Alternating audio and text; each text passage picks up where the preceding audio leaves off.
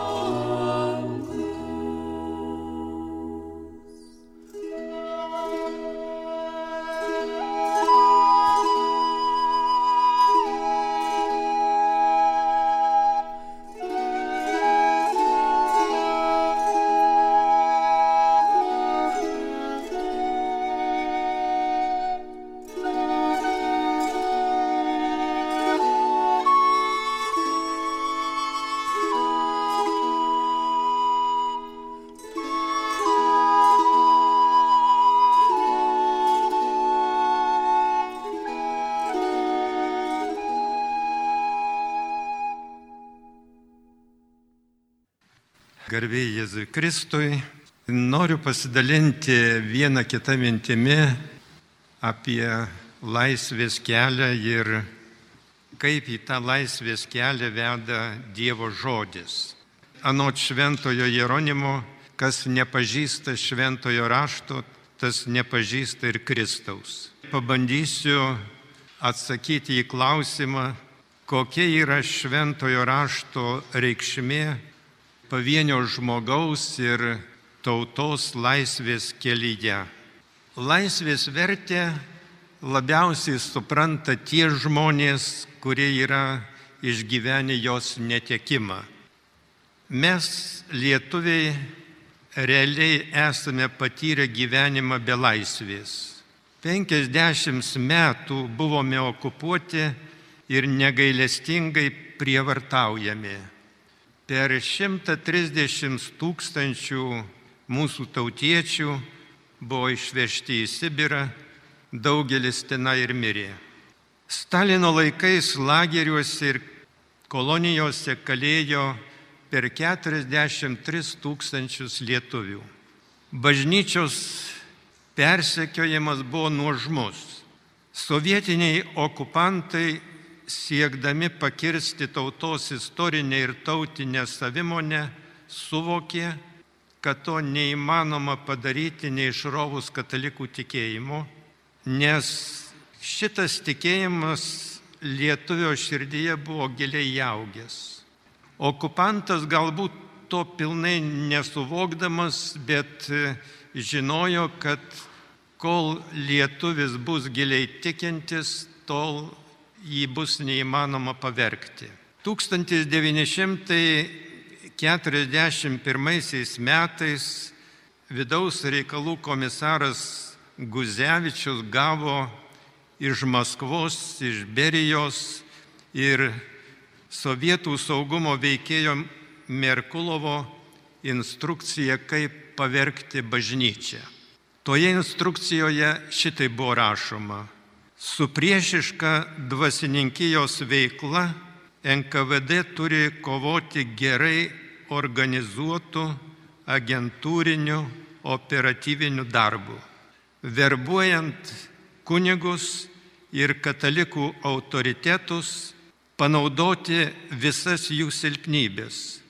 Tokia kompromituojanti medžiaga verbavimui pati efektyviausia verbuojant ir dirbant su agentūra atkreipti dėmesį į prieštaravimus tarp bažnyčios vadovų, išnaudoti juos skaldant ir diskredituojant bažnytinę vadovybę, ypač pasitelkiant karjerizmo ir pavydo elementus.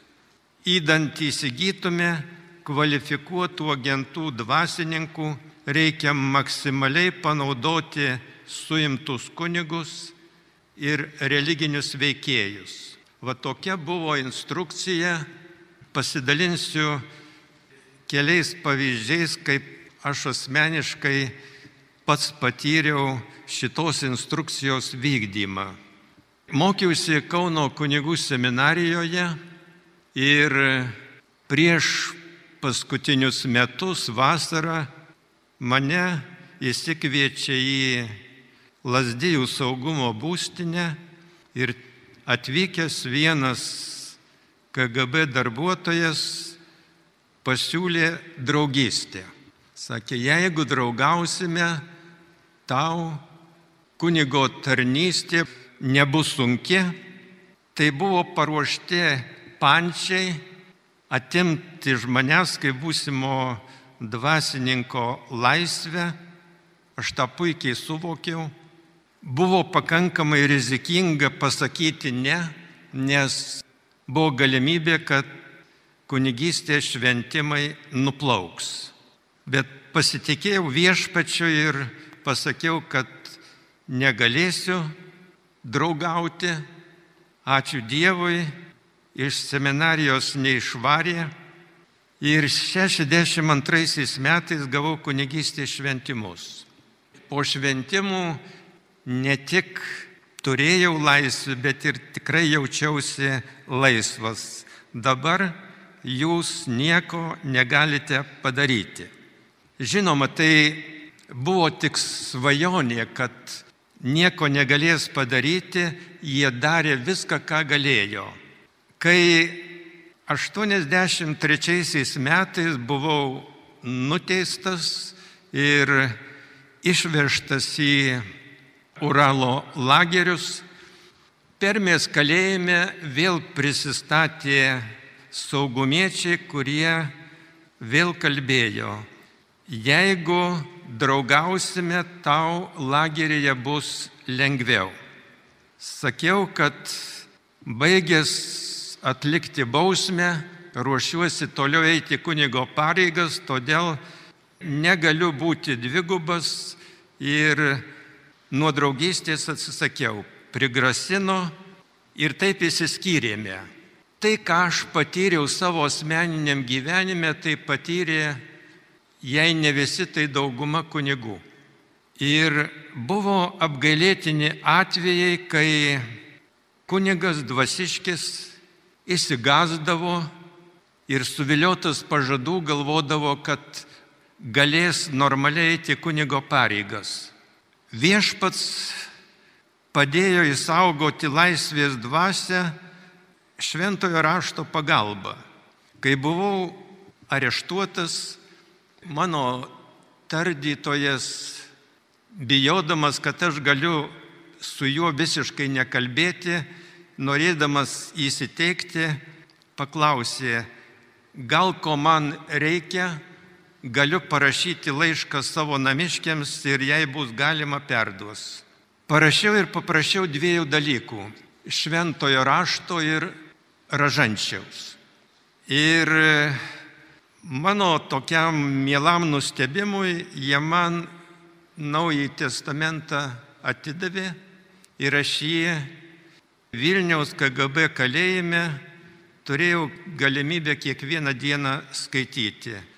Rožinio netidavė, sakė, ten yra metalo grandinėlės, todėl kalėjime metalo negalima turėti, sakė, pasidarys iš duonos. Taigi, ir reikėjo ražančių daryti iš duonos. Šventasis raštas kalėjimo kameroje buvo ypatingai brangus. Kartais apnikdavo tokių depresyvių minčių metalinės durys ant lango, trys metalinės grotos, perspektyva, tikriausiai kokie dešimt metų nelaisvės. Ir prisimenu, tokioje būsenoje skaitau šventai raštą, naująjį testamentą, ten, kur Jėzus pasakoja, nebūkite bailiai susirūpinę rydieną Dangaus tėvas pasirūpina dangaus sparnuočiais, pasirūpins ir jomis mažatikiai. Va šitie šventojo rašto žodžiai, Dievo žodis, tuo metu buvo tokia didelė šviesa, atrodo išnyko tos kameros sienos, viskas pasidarė taip paprasta, aišku, kad su viešpačiu galima drąsiai eiti į priekį, nepaisant, kas tame kelyje bus. 50 metų mes ne tik kentėme okupacijos prievartą, bet ir buvome maitinami melu.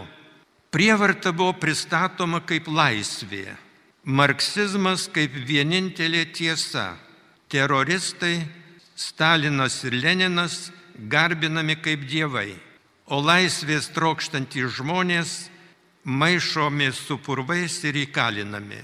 Radijas, televizija, spauda, visos komunikacijos priemonės dieną naktį skelbė tą patį. Komunizmas demokratiškiausia, pažangiausia politinė sistema pasaulyje. Dievas kūrėjas žmogaus širdyje yra įdėgęs laisvės troškimą, kurį per 50 nelaisvės metų pavergėjai norėjo iš mūsų išplėšti. Partizanai, vėliau atsiradęs neginkluotas pasipriešinimas atvedė į sąjūdžio metus. Sausio 13-ąją aukščiausiąją tarybą apsupo tūkstantinė besimeldžiančių žmonių minė ir sovietiniai tankai nesiryžo ją traiškyti.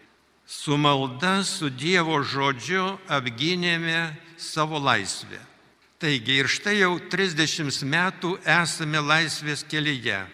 Turime išorinę laisvę ir visuomenę sukurtą ant demokratijos pagrindų. Bet ar tikrai visi esame dvasiškai laisvi?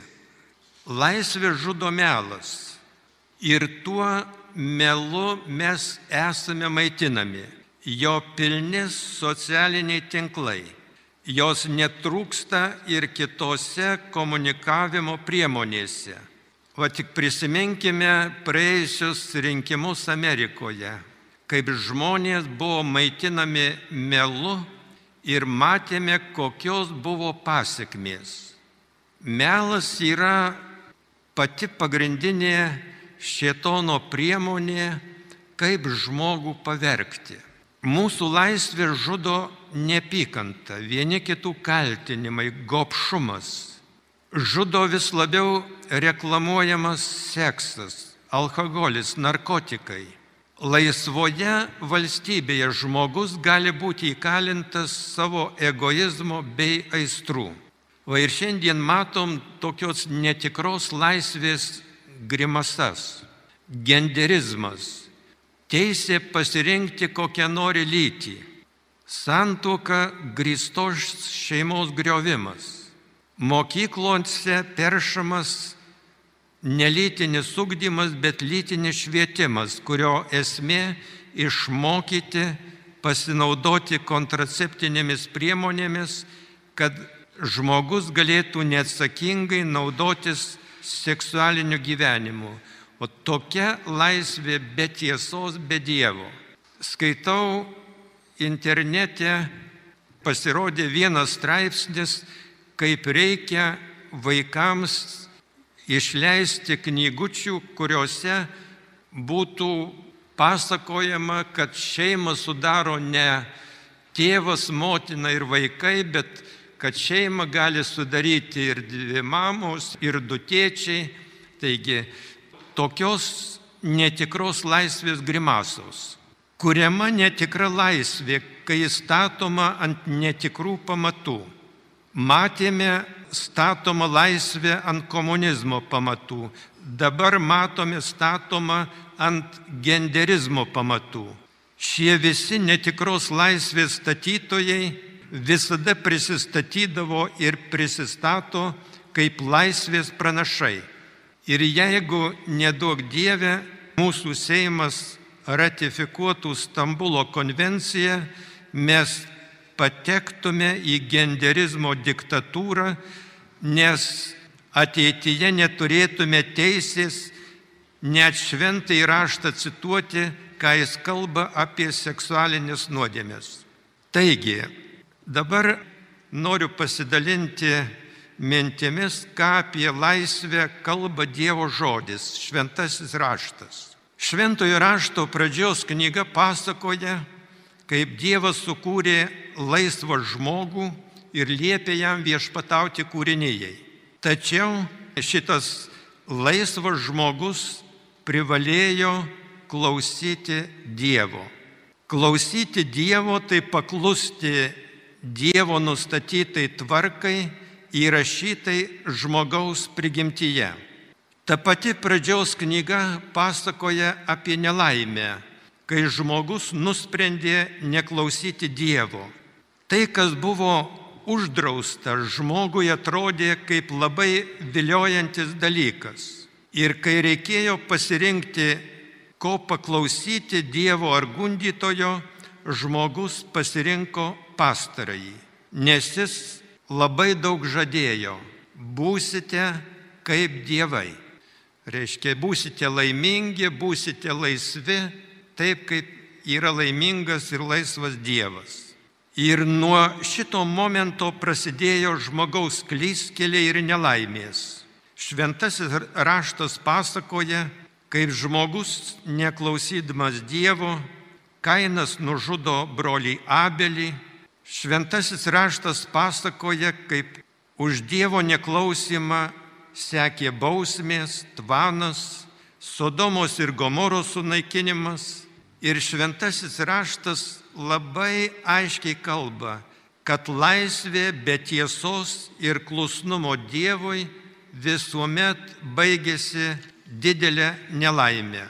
Pradžios knyga pasakoja, kaip žmonės visiškai pasiklydo ir Dievas nutarė tokius žmonės nušluoti nuo žemės paviršiaus. Cituoju, viešpats matė, koks didelis buvo žmonių nedorumas žemėje ir kaip kiekvienas užmojas sumanytas jų širdyse linko visą laiką tik į piktą. Ir viešpats gailėjosi sukūrė žmogų žemėje ir jam gėlė širdį. Viešpats tarė, nušluosiu nuo žemės veido žmonės, kuriuos sukūriau, žmonės draugės su gyvuliais, ropliais ir padangių paukščiais, nes gailiuosi juos padaręs.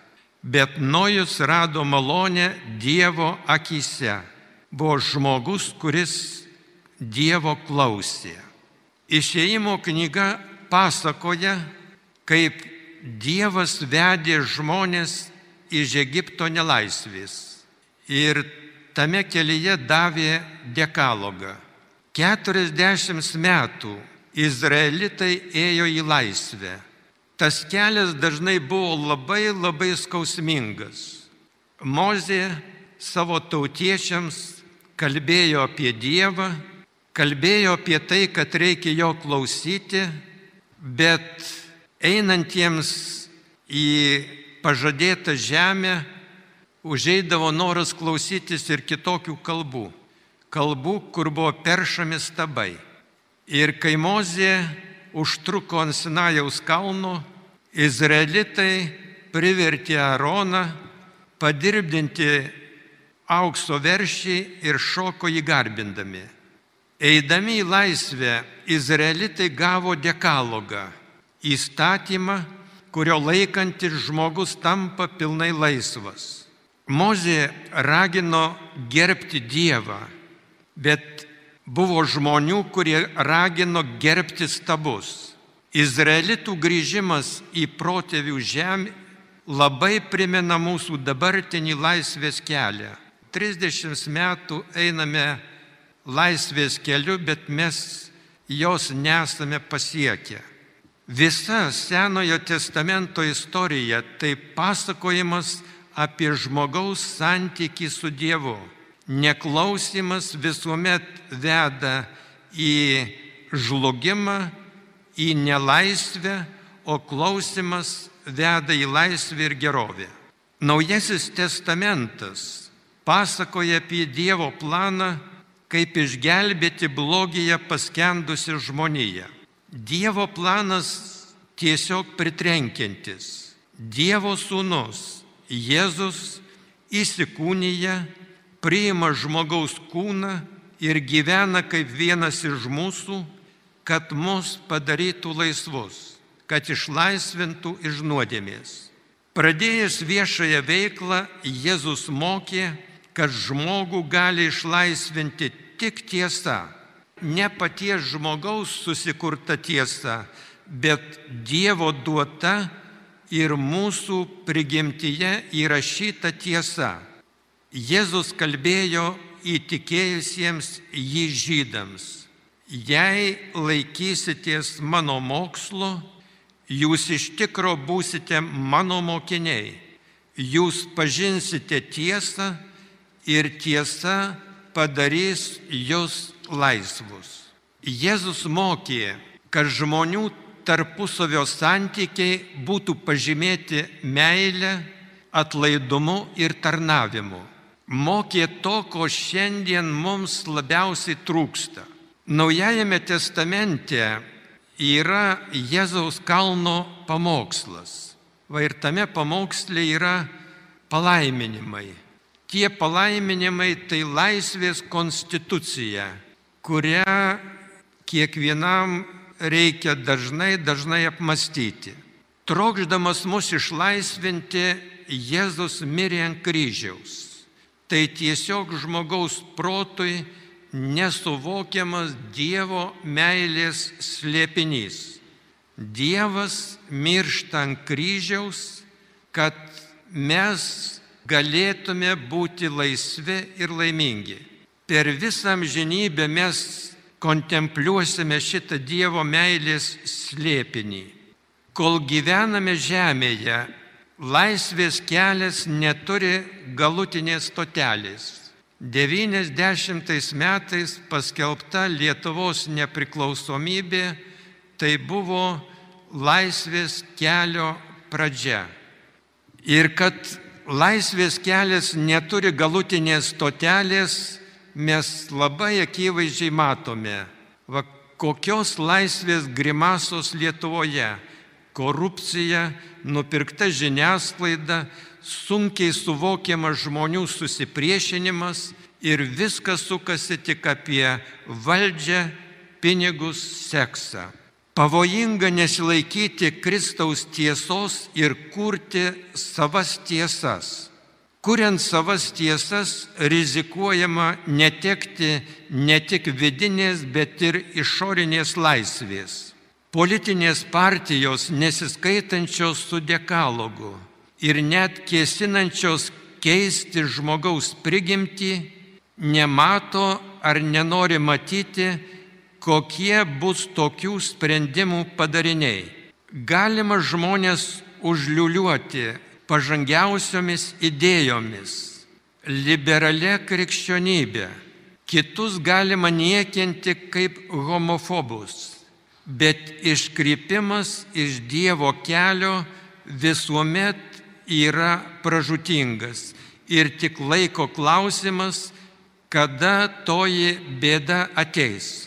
Laisvės kelias - tai priimti Kristų kaip įsikūnijusią tiesą ir tarnaujančią meilę.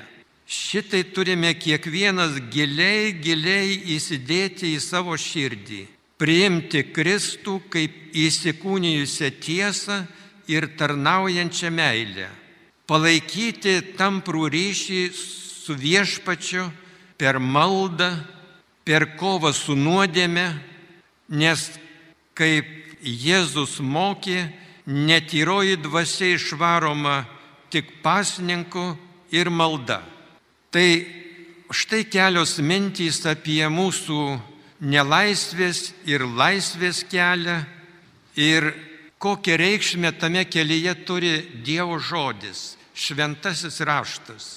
Labai norėčiau kiekvieną paraginti, kiekvieną dieną jį skaitykime, jį studijuokime, studijuokime ne kaip filosofinę knygą, bet studijuokime su malda.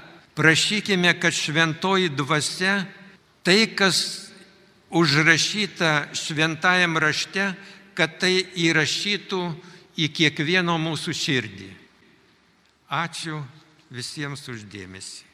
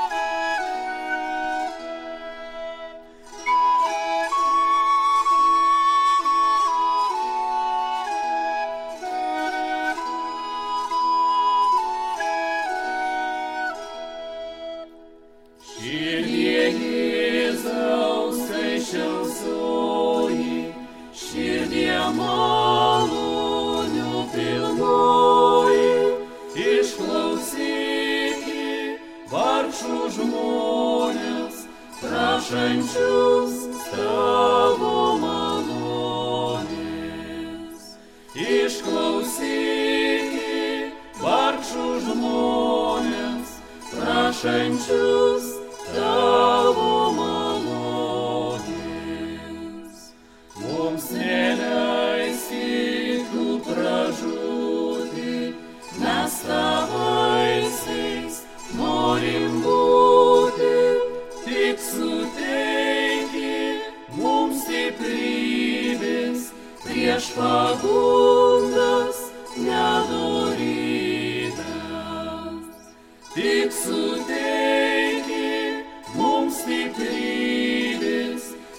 pagundams nedorybės,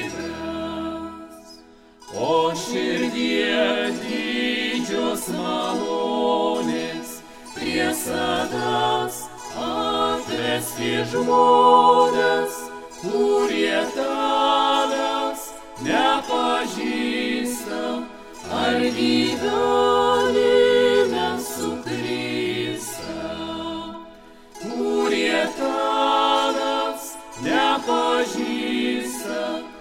perdido.